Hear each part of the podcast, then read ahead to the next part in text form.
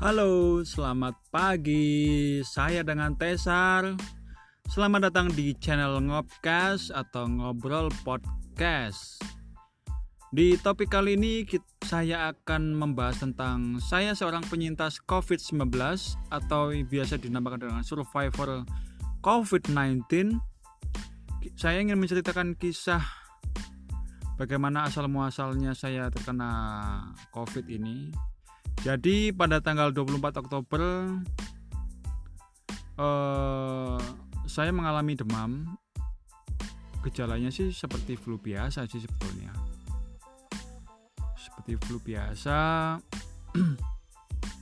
Demam selama dua hari kemudian radang tenggorokan selama kurang lebih ya empat hari. Dan hari kelima saya mengalami kehilangan indera penciuman pada hidung dan indera perasa pada uh, apa namanya uh, lidah saya ya. Jadi untuk makan pun saya tidak bisa merasakan apa-apa manis asin pedas apa pun tidak bisa dan saya pun tidak bisa mencium bau-bauan apa saja. Bahkan bau masakan istri saya pun saya tidak bisa guys saya juga heran uh, jadi sebelumnya itu di sebelum tanggal 24 Oktober itu saya menghadiri menghadiri di acara pesta pernikahan Uh, saya tentunya ya pasti memakai masker, face shield, dan maupun hand sanitizer.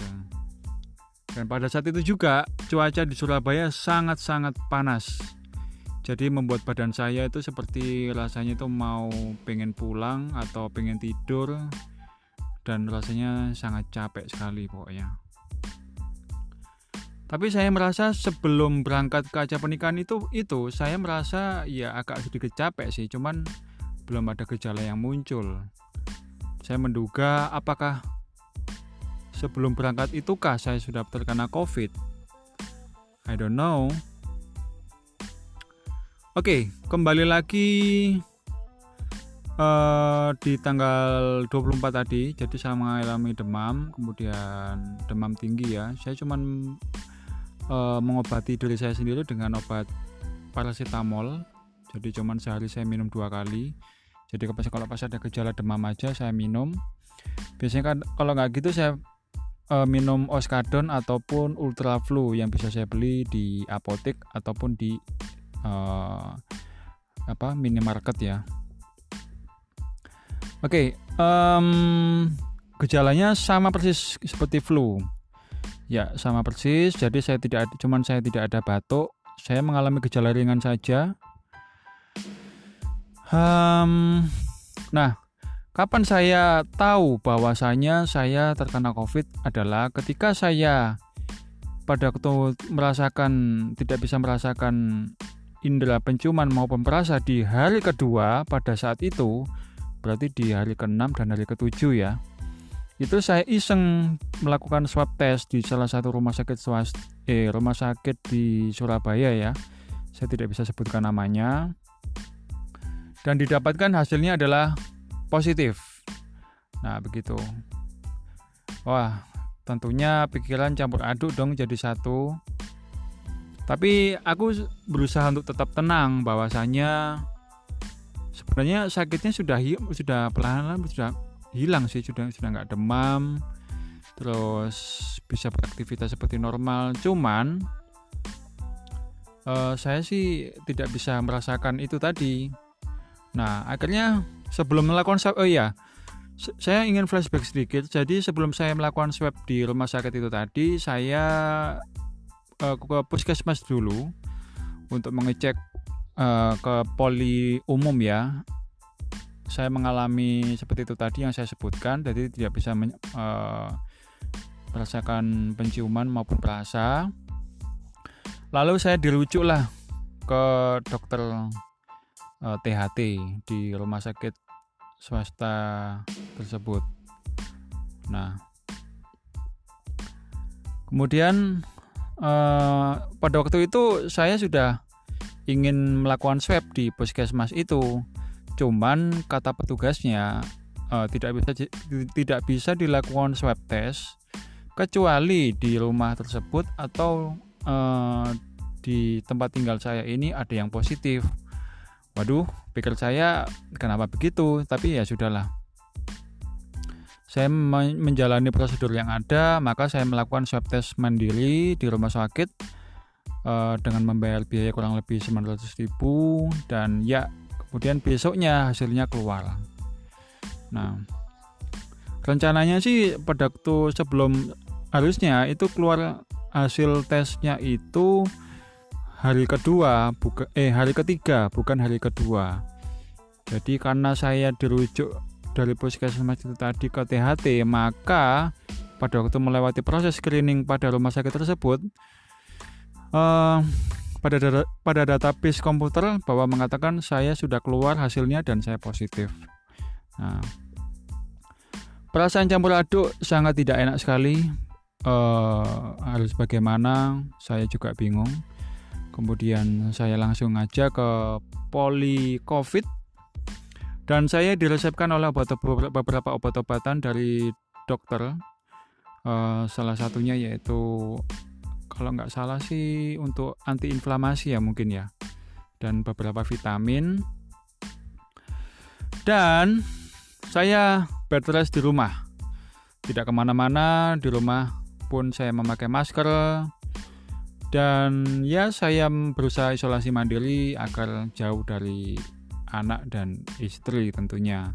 Dan untuk makan pun saya piring pun harus terpisah. Jadi minum makan peralatan yang saya pakai kemudian kamar mandi pun terpisah.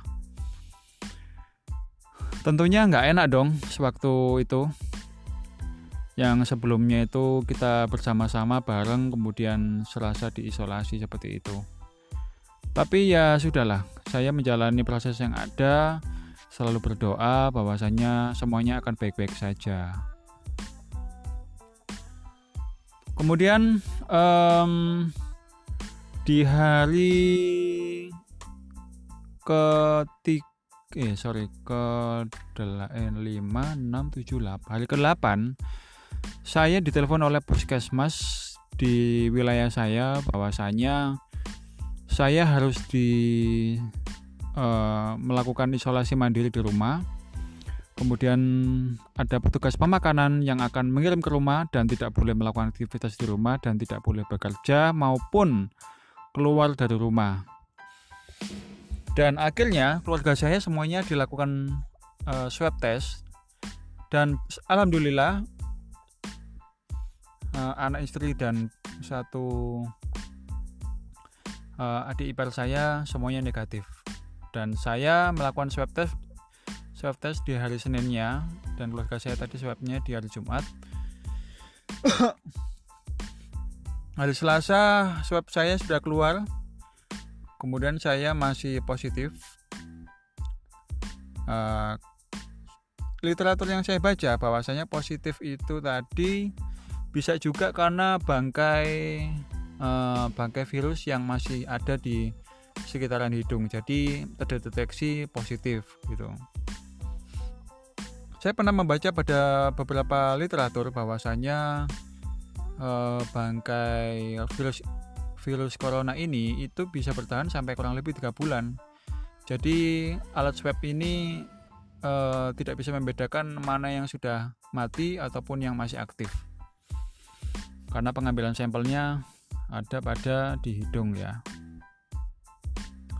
Oke, hari demi hari saya jalani, kemudian um, tetap di rumah selama kurang lebih 10 eh kurang lebih 14 hari. Dan kemudian saya terbebas dari uh, isolasi mandiri dan saya tidak perlu swab ulang. Mengapa demikian? Karena yang saya baca di uh, online, jadi berita online itu mengatakan bahwa uh, orang yang terkena terkena COVID dan gejalanya sudah sembuh ataupun uh, tidak ada gejala lagi selama kurang lebih 10 hari itu dianggap sembuh dan tidak perlu swab ulang meskipun masih kita masih dinyatakan positif. Dan saya terima kasih kepada pemerintah Surabaya bahwasanya ketika warganya sedang sakit saya disupport betul uh, mengenai makanan kemudian uh, dikirimkan wedang pokak ya. Dan beberapa vitamin uh, B kompleks dan vitamin C. Ya cukup berterima kasih saya. Bersyukur juga uh, saya sebagai warga negara Surabaya maupun Indonesia saya diperhatikan betul bahwasanya ini adalah pandemi dan pandemi ini belum selesai. Dan saya kami juga semua semuanya rakyat Indonesia bahkan di dunia itu menunggu vaksin agar pandemi ini dapat selesai. Oke, begitu dulu cerita singkat saya, kurang lebih hampir ya, kurang lebih 12 12 menit. Saya ngobcast atau ngobrol podcast di sini itu kurang lebihnya seperti itu. Jadi bagi kalian yang um, apa namanya bepergian keluar rumah, jangan lupa selalu menataati 3M protokol kesehatan, mengenakan masker, mengenakan sanitizer dan apa uh, selalu cuci tangan. Oke, gitu dulu saya dengan Tesar mohon undur diri. Selamat pagi, siang, sore dan malam. Sampai jumpa.